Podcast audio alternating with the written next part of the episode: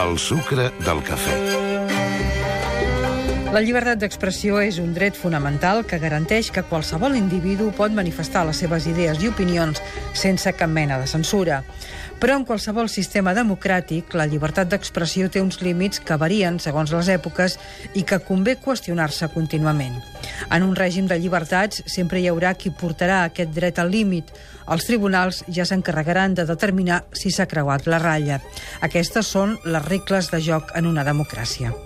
El raper lleidatà Pablo Hasél s'arrisca a passar una temporada a la presó per una cançó que ha dedicat a l'alcalde de Lleida, Àngel Ros, que ja l'ha denunciat.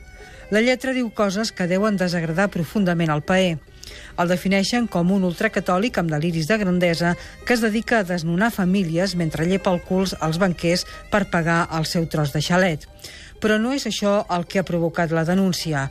El que pot enviar-lo a la presó és que li diu, tant en català com en castellà, que es mereix un tret. Pablo Hasél, que en realitat es diu Pablo Ribadulla, no pensa retirar de YouTube la cançó que es titula Prosacs Menti Ros. Sap a què s'arrisca, perquè no és el primer cop que li passa.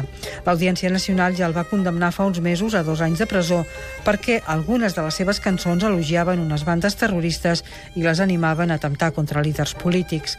La condemna actualment està impugnada i pendent de la resolució del Tribunal Suprem.